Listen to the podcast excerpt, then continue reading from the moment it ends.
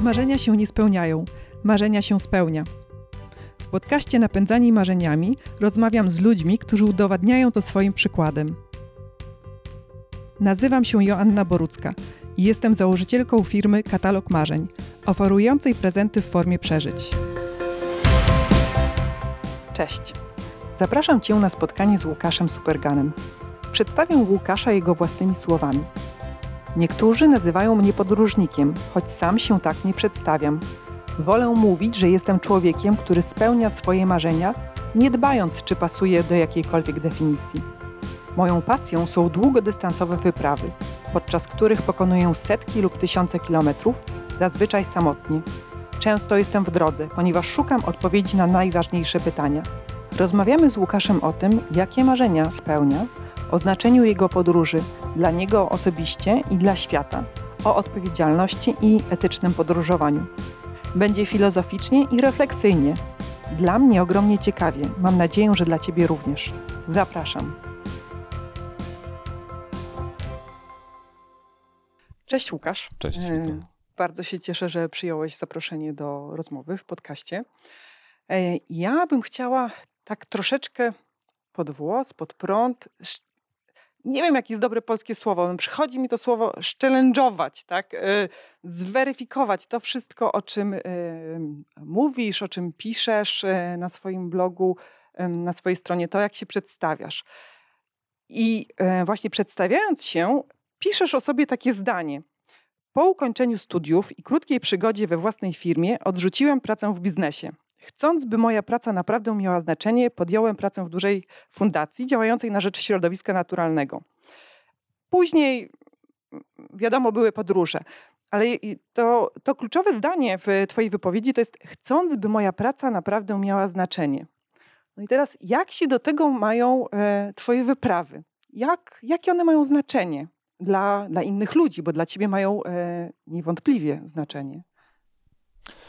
Dobre pytanie. E, Ja kiedyś powiedziałem, że podróżować należy same, dla samego siebie i, i w zasadzie trzymam się tego. To znaczy moja, na przykład moja ostatnia wędrówka górami Polski zimą była taką wędrówką bardzo mm, osobistą. Ona nie miała na celu na przykład udowodnić czegokolwiek. Nie miała zwrócić uwagi na jakieś e, problemy, nie wiem, związane z lasami czy z przyrodą gór. Chociaż wspominałem o tym w trakcie, w trakcie tej wędrówki. Nie chodziło mi o to, aby dawać komuś instrukcję obsługi, jak e, zrobić taką wyprawę. Mm, W momencie, kiedy teraz nawet się nad tym zastanawiam, ta wyprawa miała jeden cel. E, Zadałem sobie pytanie, ciekawe czy potrafię, ciekawe czy dam radę. I to jest takie no, bardzo osobiste. Chciałem po prostu spróbować czegoś, co uważałem, że może być wyzwaniem, ciekawym wyzwaniem. Mm, I to w zasadzie tyle. Więc była to w zasadzie wyprawa dla samego siebie.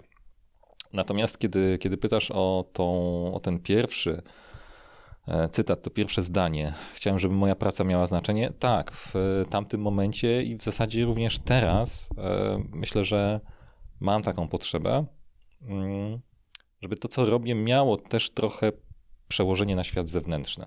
Jest w tym taka sprzeczność. Z jednej strony podróżujemy dla siebie, przynajmniej ja sam podróżuję dla siebie, z drugiej strony chciałbym, żeby istniało jakieś przełożenie na świat zewnętrzny.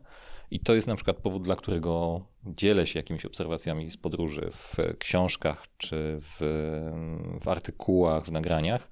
Mm, Staram się jakoś godzić, chociaż rzeczywiście myślę, że, myślę, że nie, jest to, nie jest to kompletnie sprzeczne, ale może trochę. E, Ale nie czuję tego rozdarcia.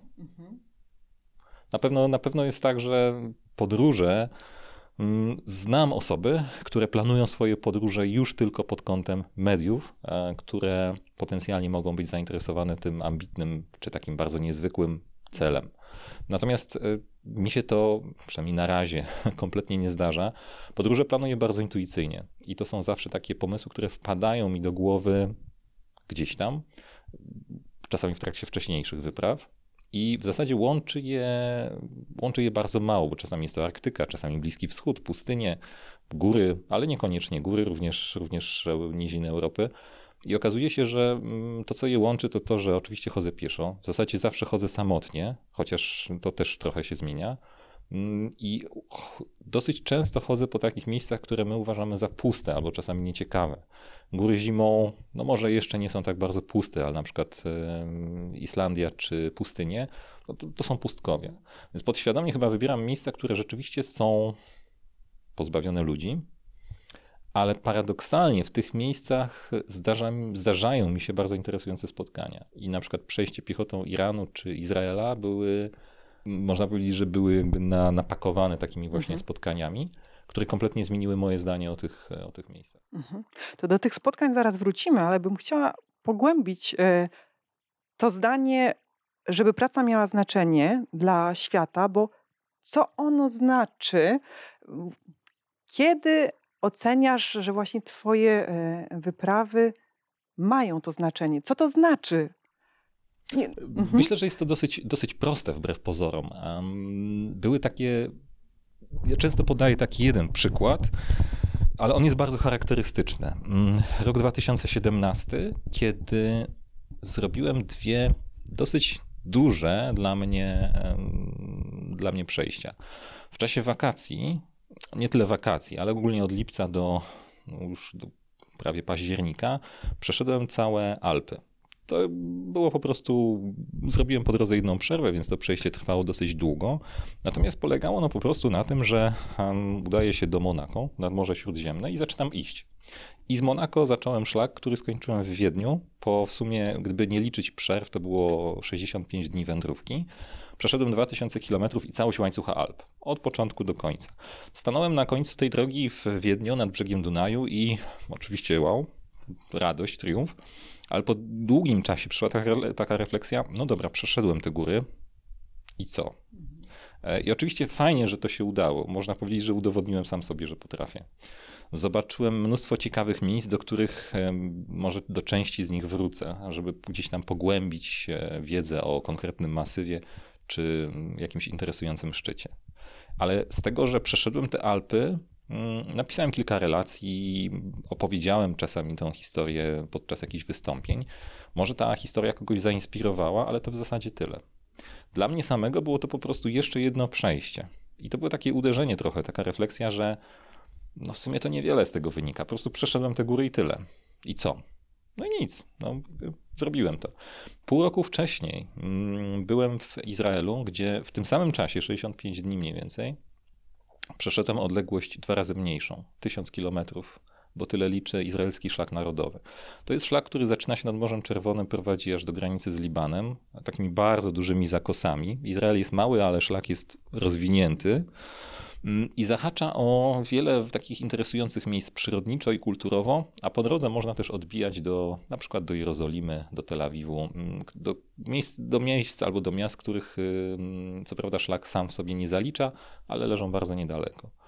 Dla mnie ta wyprawa to pierwotnie miała być wędrówka przez pustynię, bo pierwsze trzy tygodnie jest prawdziwie piękna pustynia. Okazało się, że na szlaku przez pustynię regularnie spotykam ludzi. Sezon na ten szlak jest dosyć krótki, więc jeżeli ktoś chce na niego wyjść, to wychodzi w tym momencie, przełom stycznia i lutego. I e, idąc pustynią, regularnie spotykałem ludzi, mm, najczęściej młodych Izraelczyków, takich tak samo z plecakami jak ja, i spotkałem ich regularnie przy wieczornych ogniskach gdzieś na pustyni, gdzie spędzaliśmy po parę godzin dziennie po prostu rozmawiając. I oni w tych rozmowach przekazywali mi swoją wizję Izraela, e, wizję konfliktu izraelsko-palestyńskiego, tego jak powstawał ten kraj, tego jak pamiętają go ich e, rodzice, dziadkowie i tak. Potem mm, oczywiście przyszły spotkania w samej Jerozolimie, gdzie zaglądałem do, e, zaglądałem pomiędzy Stare Miasto, dzielnice ultraortodoksów, e, spotkania z młodymi Izraelczykami, spotkania z wojskiem, później przeskok na stronę palestyńską, e, do której zresztą wróciłem rok później, przeszedłem całe terytoria palestyńskie mm, też pieszo.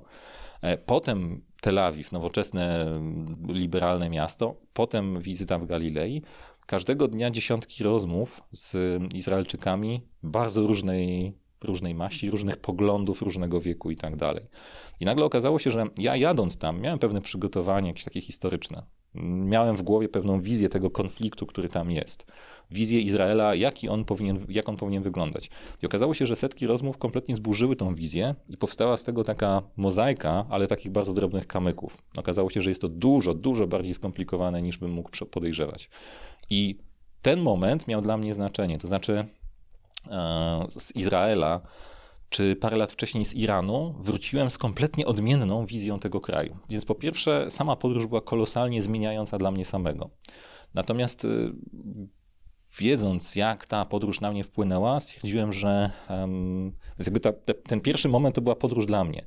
Ale wiedząc, jak bardzo ta podróż mnie zmieniła, stwierdziłem, że chciałbym, aby inni dostali trochę tego tej zmiany, tego, nie powiem, że oświecenia, to głupio brzmi, ale trochę takiego e, Zrozumienia. Takiego zrozumienia, takiego kopa, bo to nie było po prostu zrozumienie, to było takie, mm, taki trochę kopniak, e, który sprawił, że otworzyłem oczy. I trochę z tego otwarcia oczu e, chciałem przekazać innym. I to jest na przykład powód, dla którego teraz siedzę nad książką dotyczącą Izraela, albo wcześniej napisałem książkę dotyczącą dotyczącą właśnie przejścia Iranu, ponieważ jakby wizja tego kraju, który miałem, kompletnie nie pokryła się z tym, co 2-3 miesiące później dostałem po całej tej wędrówce. Czasami jest tak, że kończę wyprawę i mijają miesiące, zanim w ogóle ułożę sobie w głowie wszystko na powrót.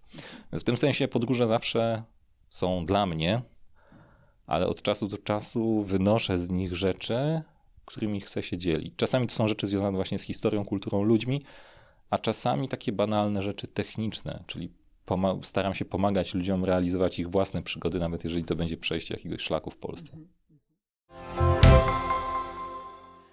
A czy zadajesz sobie pytanie, dlaczego to jest dla ciebie ważne?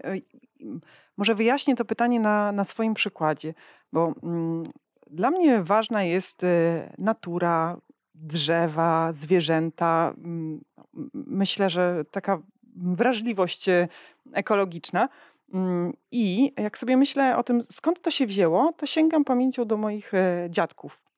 E, pamiętam, jak ja nie wiem, ile miałam wtedy lat, ale to był pewnie jakiś moment przedszkola. E, dziadek co roku zabierał nas na wiosnę na oglądanie kaczęców. I tak wyglądaliśmy właśnie tego momentu, kiedy będą te kaczęce, kiedy możemy pojechać i je oglądać. Mm, babcia z kolei no, kochała zwierzęta. E, I e, psy, koty traktowała jak domowników, miała notesy, w którym notowała daty urodzin, imiona. I jakoś tak okay. myślę, że po prostu tym nasiąkłam. Więc wydaje mi się, że stąd się wzięła no, ta, ta moja miłość właśnie do natury. A skąd, skąd się wzięło Twoje podejście do życia, o którym właśnie e, opowiadasz?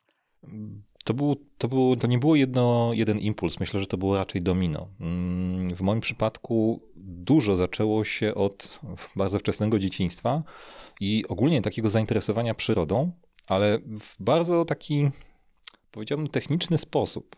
Moja babcia była biochemikiem e, i pamiętam, że będąc w pierwszej klasie podstawówki, nie umiejąc jeszcze zbyt dobrze dodawać, mm, znałem już podstawy chemii i układu okresowego to gdzieś we mnie zostało jako i rozszerzyło się trochę do ogólnego zainteresowania przyrodą. Mm, to z kolei sprawiło, że wybrałem studia e, ochrony środowiska i to nie jest tak, że będąc młodym człowiekiem, mam na myśli szkołę podstawową, liceum, miałem jakąś gigantyczną świadomość dotyczącą przyrody. Dopiero studia otworzyły mi oczy i tą świadomość rozwinęły, pokazując jednocześnie, mm, co my, jakby ludzie robimy nie tak i co jest e, nie tak z obecnym światem mm, na poziomie przyrodniczym. Więc studia były tym, co potężnie rozszerzyło moje horyzonty mm, i, i pomogło, mi, pomogło mi w zyskaniu takiego, takiej szerszej wizji. Natomiast e, za tym poszły kolejne rzeczy i na przykład za ochroną środowiska zaczęła iść, e, zaczęło iść zainteresowanie na przykład prawami człowieka, taką trochę polityką, ale polityką rozumianą jako hmm, polityka, można powiedzieć, taka, jaką, jaka jest mi potrzebna e, w, w podróżowaniu. To znaczy, na przykład zainteresowanie kwestią właśnie praw człowieka, praw kobiet, e, ochrona środowiska w innych krajach. I w tej chwili, kiedy gdziekolwiek jadę, obojętnie czy będzie to Grenlandia, Islandia czy Bliski Wschód, dosyć mocno przygotowuję się do moich podróży pod kątem e, studiowania na przykład reportaży, czy artykułów, czy materiałów fachowych z danego kraju, aby zobaczyć, e, jakiego typu problemy społeczne, czy ekologiczne, czy ekonomiczne i tak dalej, ma dany kraj. To bardzo pomaga, ponieważ potem już będąc na miejscu ląduję i pewne zjawiska, które obserwuję, e, to mam szansę nie obserwować ich tak powierzchownie. Gdybym był po prostu przypadkowym turystą, na zasadzie ląduję i przechadzam się z aparatem tu czy tam, to pewnych rzeczy, które widzę, mógłbym nie rozumieć albo nie rozumieć dostatecznie głęboko.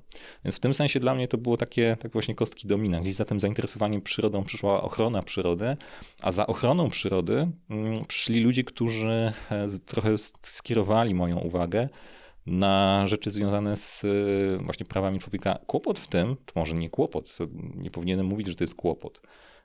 Ciekawe jest to, że bardzo często w ochrona przyrody, ochrona praw człowieka e, i na przykład e, i, i, tego typu procesy są ze sobą zawsze powiązane. Czyli w krajach, gdzie prawa człowieka są mocno ograniczone, ochrona środowiska bardzo często również kuleje. W krajach demokratycznych e, ochrona przyrody bywa dużo lepiej egzekwowana. Nie jest to reguła, co pokazuje nawet sama Europa, ale, y, ale często te procesy są ze sobą, są ze sobą powiązane nićmi korupcji, braku demokracji, braku praw człowieka i tak dalej, i tak. Więc y, bardzo często jakby taka wstępna wizja, kiedy lecę do danego kraju, pozwala mi na zrozumienie procesów, które potem być może zobaczę na własne oczy. Ciągnąc ten wątek dalej i też y, no, biorąc pod uwagę to, że rozmawiamy w podcaście Napędzani Marzeniami, Piszesz u siebie e, o sobie. Jestem człowiekiem, który spełnia swoje marzenia. Jakie to są marzenia? Dobre pytanie. Ja myślę, że to, jakie to, pytanie powinnaś zadać, jakie to były marzenia, bo y, spełniam te marzenia, które miałem kiedyś, czyli dotyczące poznawania świata. Kiedyś, w momencie, kiedy siedziałem za biurkiem y, przed komputerem po 8 godzin dziennie, Takim marzeniem zaczęła być e, daleka podróż do Azji. Przejechanie jedwabnego szlaku mm, autostopem, autobusami, czymkolwiek się da. I w pewnym momencie, kiedy to marzenie doczekało się realizacji, i to w dużo większej formie niż pierwotnie planowałem, bo była to w ogóle podróż dookoła Azji przez no, dwa lata, mm, zobaczyłem, że świat jest tak absolutnie fascynującą mozaiką, że mógłbym spędzić nie jedno życie, e, tylko poznając tą, tą mozaikę. Mm, I chyba to było to pierwotne marzenie o po prostu zobaczeniu trochę innego świata. E, rozwinęło się w takie podróżowanie przez ostatnich 10 lat. A to trochę łączę z górami, to łączę trochę z moją pracą przewodnicką i w tej chwili czasami trudno mi powiedzieć, co jest moją pracą, a co już po prostu pasją, bo wyjeżdżam gdzieś napędzany takim właśnie marzeniem, kurde, zobaczyć to miejsce i poznać je lepiej. Ale potem okazuje się, że zdjęcia czy teksty powstające z tamtego miejsca są moją pracą. Więc w tym momencie już tak kompletnie nie potrafię powiedzieć, co jest moją pasją, a co pracą. To się absolutnie łączy ze sobą. Więc wygląda na to, że zacząłem pracować e, na tym, co co lubię. Więc kurde, nie, powinienem się nazywać szczęśliwym człowiekiem. E, oczywiście nie jest to takie proste, ale wygląda na to, że jest to w jakiś sposób praca marzeń. Znaczy, realizuję jakąś tam swoją pasję i swoją wizję, e, szukam interesujących miejsc, które chciałbym poznać lepiej, a potem okazuje się, że ich opisanie, fotografowanie, opowiadanie o nich, czy czasami e, prowadzenie tam ludzi e, jest, jest moją pracą. Mhm. Dlatego chyba nie trzeba rozdzielać pracy i pasji. I... Już nawet nie, no tak, już nie potrafiłbym tego rozdzielić w ogóle i nie wiem, gdzie jest, gdzie przebiega granica. Nie, po prostu jej nie ma, jest to bardzo płynne. E, powiedziałeś, że właśnie co było twoim marzeniem, że marzeniem kiedyś były wyjazdy, tak? I właśnie takie dalekie podróże. Myślę, że właśnie zwiedzanie świata, podróżowanie jest marzeniem bardzo wielu osób.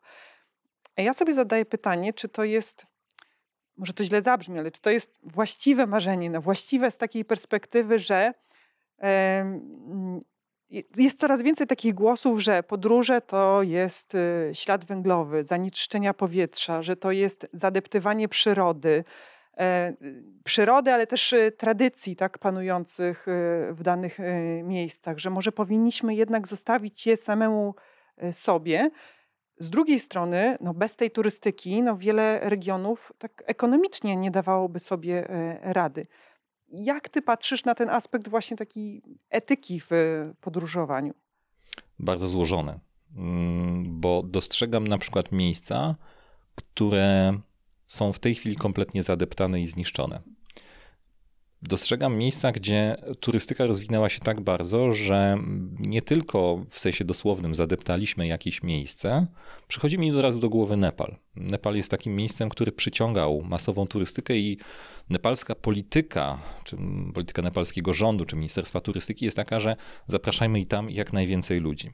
To spowodowało, że w Nepalu stworzyły się pewnego rodzaju takie korytarze, kanały, które są wydeptane jak wąwóz.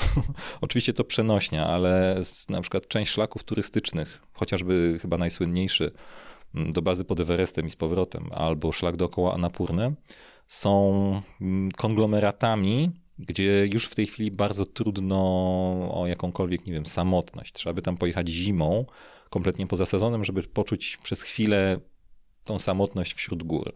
W sezonie jest to absolutnie, to są absolutnie zatłoczone miejsca. Co to powoduje? Po pierwsze to, że w, jakby w danym, w danym rejonie przyroda jako taka przestaje być dzika, a czasami w ogóle zostaje zniszczona. Powoduje to masę drobnych zjawisk, które, e, które składają się na to zniszczenie przyrody. Na przykład e, działanie, powstawanie coraz to nowych hoteli i hotelików e, w takim, w takim miejscu, które jest wysok, w wysokich górach jest bardzo delikatne, powoduje wylesienie, na przykład, na przykład, na, przykład na opał co oznacza, że zbocza górskie tracą pokrywę roślinną, stają się bardziej podatne na erozję i tak dalej. I jedną z takich rzeczy w przyrodzie jest fakt, że taką, takich charakterystycznych jest fakt, że jedno takie zjawisko pociąga ze sobą inne. Czyli okazuje się, że masowa turystyka równa się wylesienie, równa się erozja gór, równa się nasilenie się zjawisk osuwiskowych i tak dalej, i tak dalej. I za to jestem też wdzięczny moim studiom, bo one pokazały mi, jak bardzo te kropki się ze sobą łączą. Z drugiej strony taka mm, masowa turystyka w tych miejscach powoduje, że my, turyści, zaczynamy penetrować miejsca, które dotychczas były dosyć dzikie, a w tej chwili stają się nowymi odkryciami. I tutaj w tym momencie pączkuje taka boczna gałązka, e, właściwie wielki konar, który nazywamy przemysłem turystycznym, który na przykład jest przemysłem też e, mediów związanych z turystyką. Magazyny, przewodniki, portale, blogi, influencerzy i tak dalej. I okazuje się, że setki czy tysiące ludzi ogłaszają, że w danym sezonie wielkim odkryciem będzie szlak X. No bo wiadomo, że szlak do Everestu i z powrotem jest już zadeptany, ale właśnie odkryliśmy fantastyczny kolejny szlak dookoła ośmiotysięcznika tu nazwy nie będę wymieniać, żeby nie prowokować, ale y, zaczyna się presja na jakieś inne miejsce, które za 20 lat będzie tak samo zniszczone jak to poprzednie. Więc czy podróżowanie może być etyczne? Tego typu podróżowanie mm, w pewien sposób e, nigdy nie będzie neutralne dla przyrody. Pomijam już latanie samolotami, które sam czasami niestety uprawiam. Natomiast y, tego typu zagęszczanie nas samych, turystów w danym punkcie, w zasadzie nigdy nie będzie dobre dla przyrody. Jeżeli przekroczymy pewien próg, powyżej, powyżej którego ta e, regeneracja przyrody e, nie będzie możliwa. Drugą rzeczą, która, i znowu przywołałem przykład Nepalu, ale to bardzo charakterystyczne miejsce. E, taką drugą rzeczą jest zniszczenie mm, tego ekosystemu kulturowego. Dla mnie Nepal na przykład jest z jednej strony pięknym krajem i spotkałem tam masę fantastycznych ludzi, a z drugiej strony chyba nie pamiętam kraju, który potrafiłby swoją własną kulturę Wiem, że to bardzo takie, bardzo dosadnie zabrzmi. Wiele osób się z tym nie zgodzi, ale moja obserwacja była taka, że Nepal swoją kulturę i pewnego rodzaju jakieś tradycje rozmieniał straszliwie na drobne, mm, tylko po to, żeby przyciągnąć turystów. Krajem, który niejako odwraca ten trend jest pobliski Bhutan, mały kraj w Himalajach, który wprowadza sam dla siebie bardzo wysokie ograniczenia, jeżeli chodzi o liczbę turystów i reguluje to niesamowicie wysokimi kwotami za każdy dzień pobytu. Więc tutaj widać taką, takie zupełnie inne podejście czegoś, co można by nazwać wiem, turystyką, turystyką butikową. Chociaż obawiam się, że takie ograniczenie też w pewnym momencie przestanie działać. Mm, więc z jednej strony przyroda, ale z drugiej strony dużo ważniejsze, w niektórych miejscach przynajmniej, okazuje się to, co nazwałbym zniszczeniem danej kultury. Mm, I to w wielu miejscach, tych najbardziej popularnych, w zasadzie możemy zaobserwować. Dlaczego ono jest złe? Po pierwsze, jakby sama lokalna kultura zanika i zamienia się w takie nie wiem, multikulti, które, które przyjmuje postać jakiejś takiej hybrydy, którą dokładnie oczekują turyści. Czyli miejscowi mieszkańcy tracą swoje, nie wiem, zwyczaje, a, a czy nawet modyfikują je dokładnie pod kątem tego, czego my oczekujemy. Przemysł turystyczny jest niestety sprzedawaniem marzeń i oczekiwań, więc, e, więc tak to działa. E, natomiast, e, natomiast jakby zanik lokalnej kultury bywa, bywa właśnie domeną tych, tych miejsc najbardziej, najbardziej uczęszczanych. Czasami on idzie w parze, a czasami trochę niezależnie od tego, co dzieje się z przyrodą. Jest chyba jeszcze taki aspekt, że mm, podróżując pokazujemy te wzorce z zachodniego świata. E, lokalni ludzie aspirują do tego, żeby ubierać się, nie, mm, kupować właśnie sprzęty, takie, które są dostępne mm, w bardziej rozwiniętych kulturach. Nie mają na to pieniędzy, więc też jest no, taka frustracja ja nie mam tak bliskiego oglądu e, jak ty, ale tak, tak sobie wyobrażam, że takie mechanizmy są. Wyobrażam sobie tudzież, e, no, wyczytałam je właśnie w książkach, e, w reportażach i to też mi się wydaje, że jest po tej stronie negatywów. No, z drugiej strony właśnie namawiasz do tego, żeby podróżować, tak? Więc jak to wszystko pogodzić? Jak to, jak to zrobić, żeby no, podróżować odpowiedzialnie? Nie jest to dla mnie łatwe, bo mam świadomość, że gdybym na przykład w tym momencie docierał do naprawdę milionów odbiorców, to jedna moja opowieść, historia z szlaku X mogłaby przyczynić się do tego, że za rok ten szlak stanie się odkryciem, powstaną tam, e, powstaną na jego temat artykuły, wpisy na blogach, e, tysiące zdjęć na Instagramie i to przyczyni się do przynajmniej jeżeli nie w ogóle, to do szybszego zadeptania tego miejsca. Jest to kłopot pisać o miejscach e, i pisać o, i pisać o nich tak, żeby hmm, nie doprowadzić do ich zniszczenia.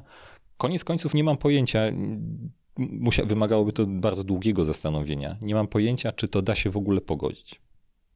A więc pytanie, czy powinniśmy tworzyć w ogóle przewodniki, czy powinniśmy opowiadać o naszych podróżach.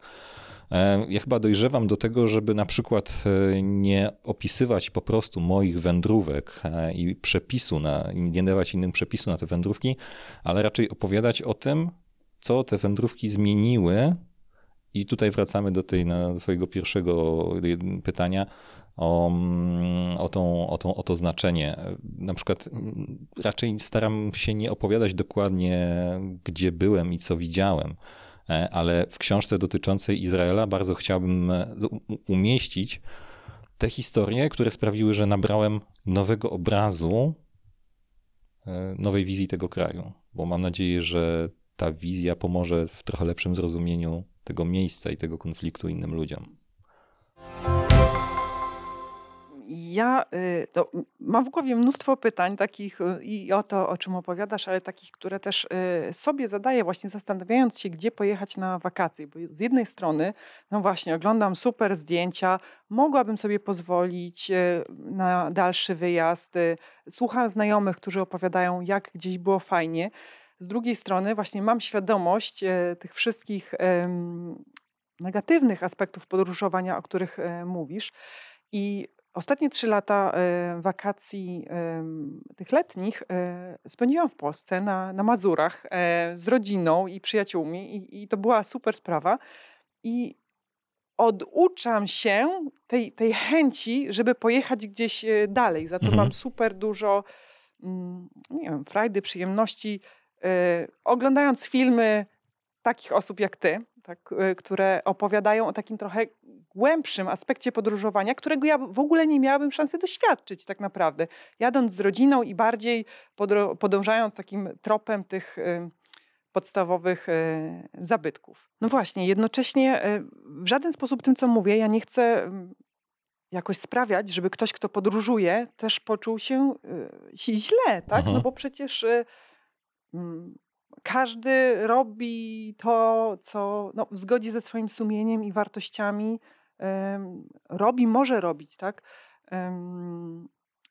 I no nie wiem, to takie, takie rozkminki mi tutaj przychodzą e, do głowy, przyszły mi do głowy, mm, przygotowując się do, e, do spotkania z Tobą.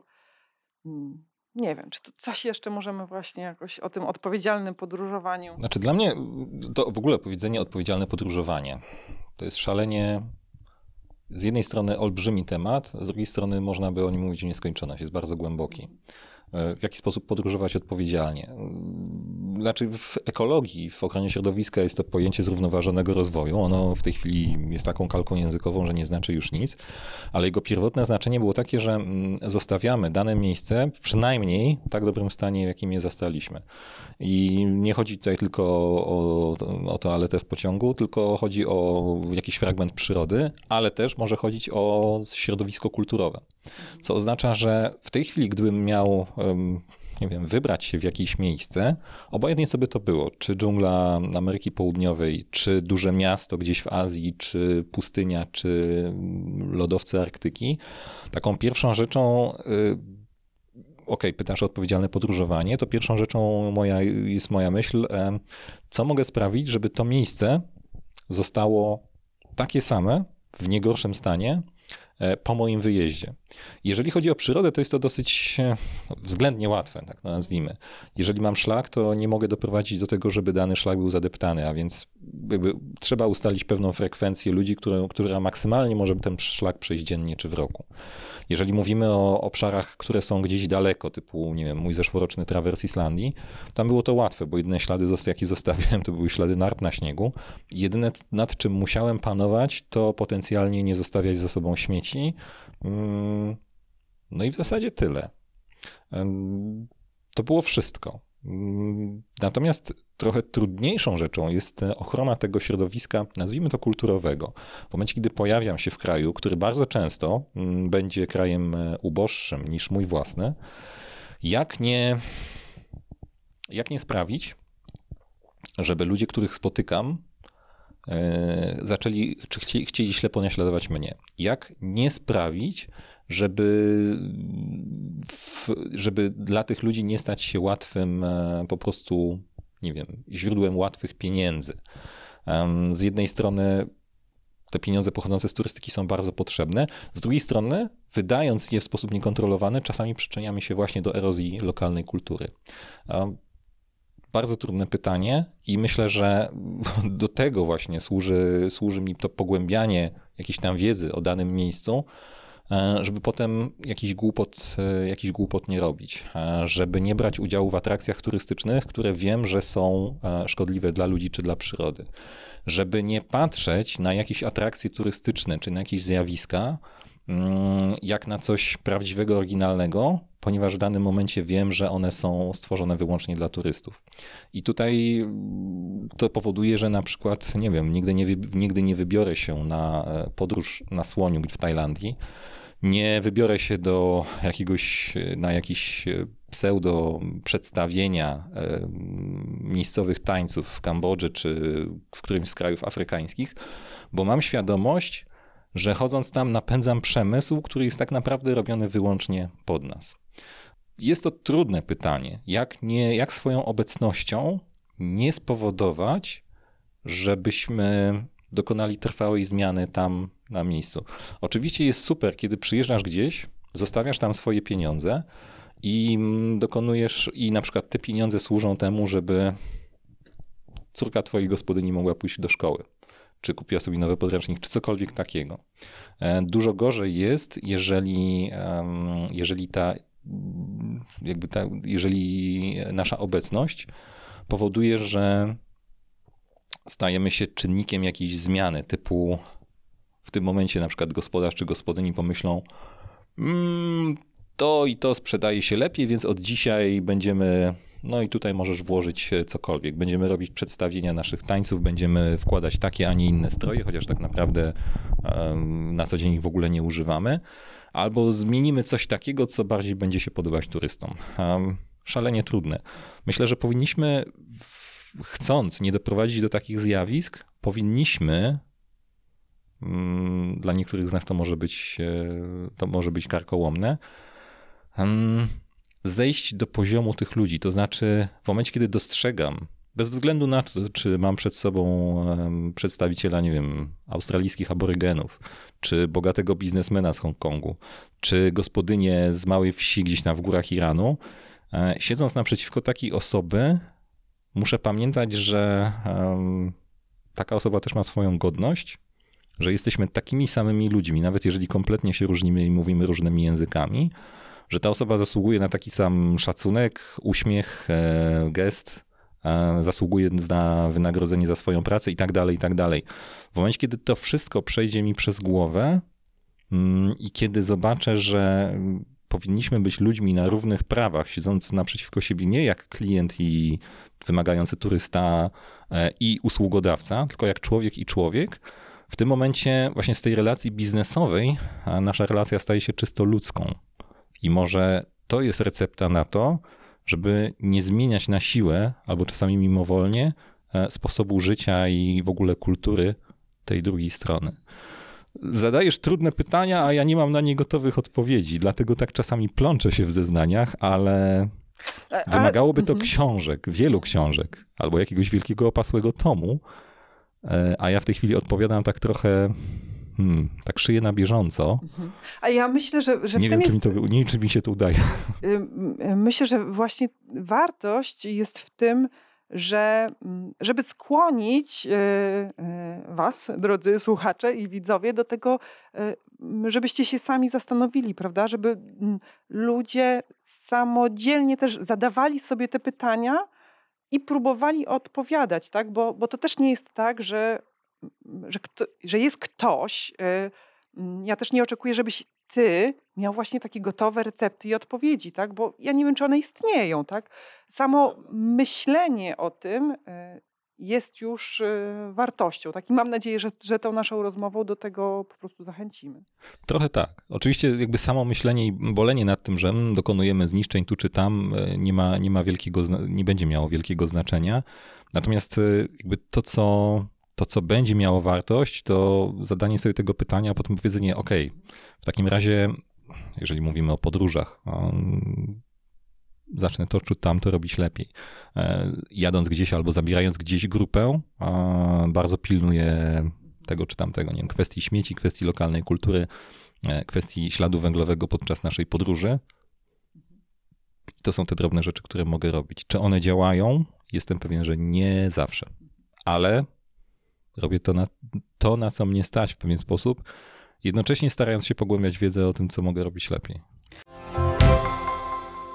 Jest jeszcze inny aspekt od, odpowiedzialności, którą, e, o który chciałam Ciebie zapytać. To jest taka odpowiedzialność za siebie, mogę to powiedzieć. E, tak mogę powiedzieć.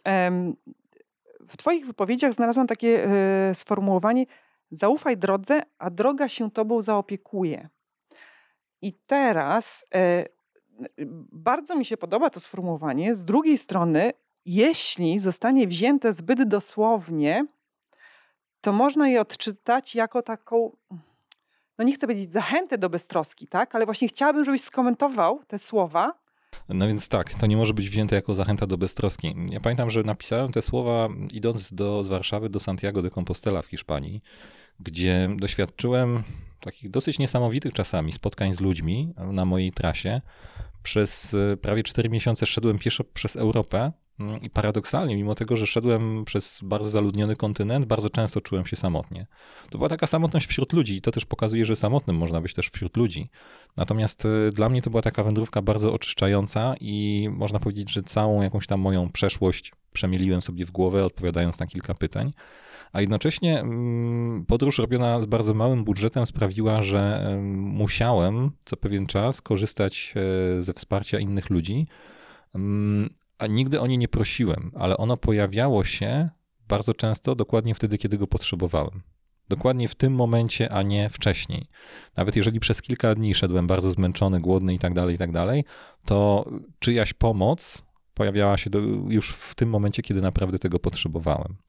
I nie chcę, żeby to zabrzmiało jakoś mistycznie, bo to brzmi jak jakiś cytat z Paula Coelho. E, niektórzy go uwielbiają, niektórzy wyśmiewają. Natomiast e, uważam to za pewnego rodzaju prawdę. To znaczy, w momencie, kiedy wychodzimy z domu, zaczynają dziać się pewne cuda, Nie wierzę w cuda za bardzo, ale w tym przypadku może trochę zmieniam zdanie.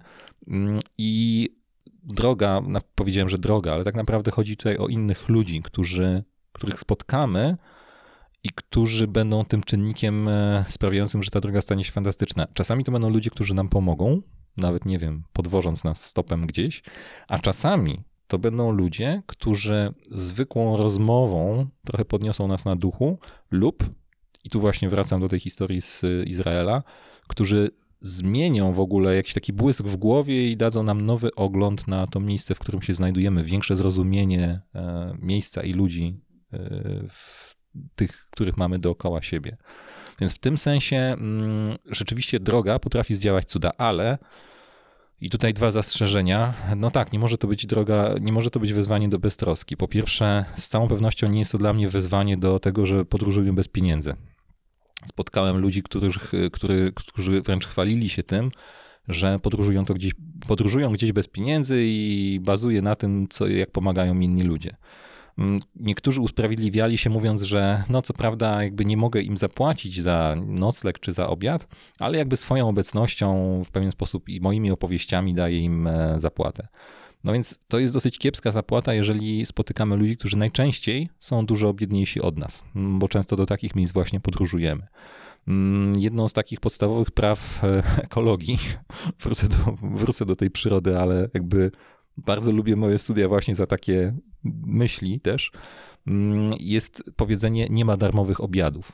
Co oznacza, że jeżeli wyciągniesz pewne zasoby środowiska, a niech to będą surowce albo właśnie pożywienie skądś, to ktoś musiał za nie, e, one skądś pochodzą, one uszczuplają pewną, pewną pulę.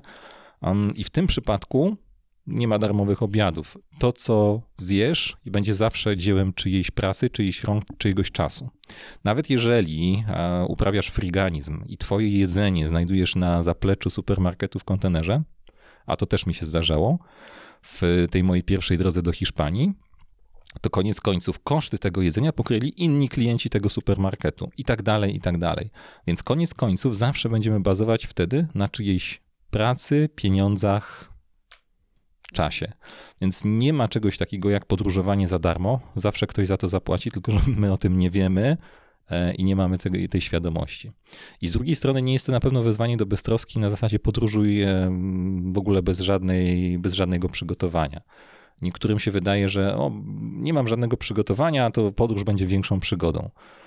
Może to oznaczać, że bez przygotowania będziesz częściej wpadać w kłopoty, czyli będziesz częściej polegać na pomocy innych ludzi, którzy będą litować się nad tobą. Mm, może też oznaczać, że, że wpadniesz w problemy związane z niezrozumieniem jakichś, jakichś zjawisk kultury czy mm, po prostu polityki. I może też to sprawić, że y, będziesz podróżować po prostu nie znając lokalnych, e, lokalnych realiów. Dla mnie przygotowanie podróży jest szalenie ważne, bo potem mogę swobodnie obracać się w danym miejscu wiedząc, mając plan ewakuacji, czy nawet w czasie bardzo trudnych wypraw, tak jak trawers Islandii, miałem gotowych kilka dróg ewakuacyjnych na wschód, czy na, na północ, czy na południe i wiedziałem, że w razie potrzeby mogę z nich skorzystać. Byłoby moim zdaniem wielko, bardzo nieodpowiedzialne, gdybym nie miał planu ewakuacji. I taki plan ewakuacji, trochę w cudzysłowie, powinniśmy mieć w czasie każdej podróży, bo koniec końców może to oznaczać, że albo sami wpadniemy w kłopoty, albo z tych kłopotów Będą wyciągać nas ludzie używając swojego czasu, sił, pieniędzy, środków i tak dalej. Więc y, tak kończąc, y, najlepsze podróże to są dobrze przygotowane improwizacje. Czyli tak jak w muzyce jazzowej, żeby zrobić improwizację, musisz dobrze znać tą podstawę, temat melodii. I dopiero na bazie tej, tego tematu możesz zrobić takie skoki w bok. I tak samo jest w podróży. Jeżeli znasz dobrze jakby ten grunt, realia lokalnego miejsca, to możesz sobie pozwolić na improwizowanie, zmiany planów i tak dalej. Ale warto mieć jakiś plan po to, żeby w razie kłopotów um, móc bezpiecznie się skądś wycofać, e, żeby nie walnąć jakiejś gafy w kontaktach z innymi ludźmi, żeby nie walnąć jakiejś gafy w kontaktach z na przykład e, lokalnymi służbami i tak dalej, i tak dalej. I im trudniejsze dane miejsce, przyrodniczo, społecznie, politycznie, tym lepiej jest mieć taki plan. Więc na wyjazd do, nie wiem, Hiszpanii czy Szwecji no, pozwoliłbym sobie na dużą, dużą dozę beztroski. E, podczas wyjazdu do Iranu, czy niech to będzie Uzbekistan, czyli kraj w zasadzie autokratyczny, miałbym już bardzo konkretnie przygotowane pewne środki ostrożności. Słuchając tej Twojej odpowiedzi, e, brzmi mi w głowie e, słowo zaufanie. Teraz, tak jak mówisz, dobrze przygotowana improwizacja to jest coś, co pozwala co właśnie zaufać, a to zaufanie otwiera nas, otwiera w ogóle możliwości i um, otwiera nas na innego człowieka, na przyrodę. Tak, i, i, to słowo dlatego mi tak dźwięczy w głowie. Wiesz to zaufanie. Dla mnie zaufanie w ogóle jest bardzo ważne w przyrodzie, y, w podróży. Mm, zaufanie do siebie, kiedy jestem sam, sam na wyprawie, jestem pośrodku, nie wiem, arktycznego pustkowia, muszę ufać samemu sobie, że potrafię, że dam radę, że nawet jeżeli przyjdzie, nie wiem, śnieżyca, to mam na tyle sił fizycznych i psychicznych, że wiem, znajdę schronienie, rozbiję namiot, dam radę przetrwać to, co nadchodzi. Ale z drugiej strony podróże są gigantyczną lekcją zaufania do innych ludzi. I to jest taki trochę wytarty cytat, mówienie, że świat jest pełen dobrych ludzi. Kłopot polega na tym, że on jest prawdziwy. Że rzeczywiście co do zasady, my ludzie mamy w sobie masę dobra. Często podczas takich moich wypraw słyszę, Boże, no przygotowywałem się do wyprawy, do tego przejścia zimą gór Polski na początku tej zimy. I nagle ktoś na Facebooku pyta mnie, a czy bierzesz ze sobą jakąś klamkę w rozumieniu pistolet. I taka pierwsza myśl, w ogóle o co chodzi? Pomyliło się, czy coś, coś? Nie, nie, naprawdę ten człowiek był przekonany, że będąc samotnie w górach mogę być zagrożony i czy ze strony wilka, niedźwiedzia, czy jakiegoś innego człowieka mogę doznać czegoś złego, więc weź ze sobą, weź ze sobą broń.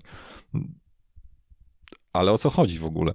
I jakby rozumiem, że ktoś może myśleć w taki sposób, e, ale podróże nauczyły mnie właśnie takiego gigantycznego zaufania do innych ludzi nawet do ludzi, którzy, nie wiem, do policjantów, którzy zatrzymywali mnie i aresztowali w Iranie, w pewien sposób też nabrałem pewnego zaufania, bo gdzieś mimo wszystko w głębi nawiązała się między nami nić porozumienia, nawet jeżeli to była rozmowa na komisariacie.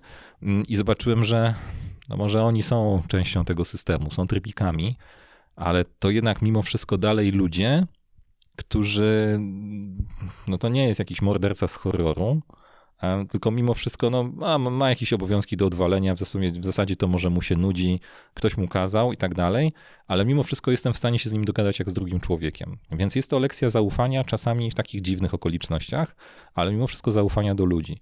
I czasami jest to też lekcja zaufania swojej własnej intuicji. Mm, kiedy spotykam człowieka w podróży, i nie tylko w podróży, przychodzi moment takiego zastanowienia się i to nie jest zastanowienie się czasami kompletnie świadome. Czasami to jest taki impuls, e, który mówi, tak, temu gościowi może zaufać. Albo właśnie mówi, coś tu śmierdzi, coś jest nie tak, nie podoba mi się jego wyraz twarzy, coś ma nie tak w oczach i tak dalej.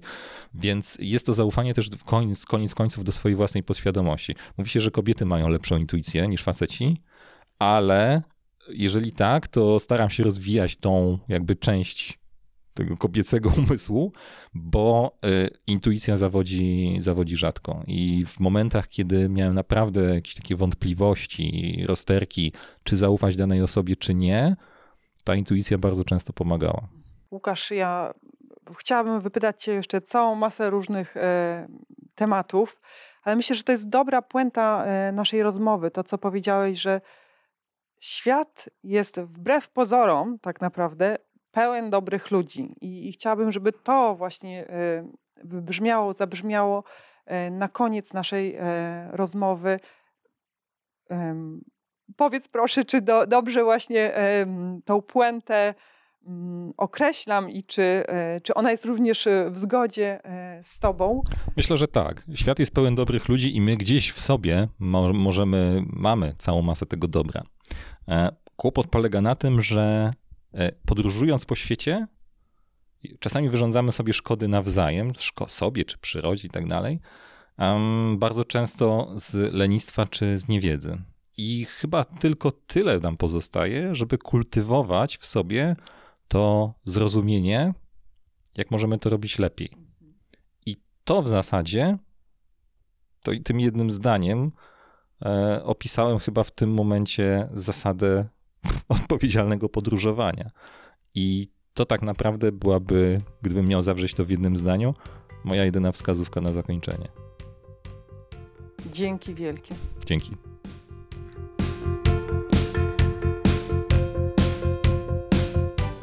Padło dużo pytań i dużo odpowiedzi oraz przemyśleń, bo o jednoznaczne odpowiedzi trudno. Jak powiedział Łukasz, pozostaje nam dalsze indywidualne zastanawianie się, jak możemy podróżować lepiej. Jestem ogromnie ciekawa Waszych przemyśleń po naszej rozmowie. Będzie mi ogromnie miło, jeśli podzielicie się nimi w komentarzu w swojej aplikacji podcastowej, w mediach społecznościowych lub pisząc do mnie na adres hej małpa napędzanimarzeniami.pl.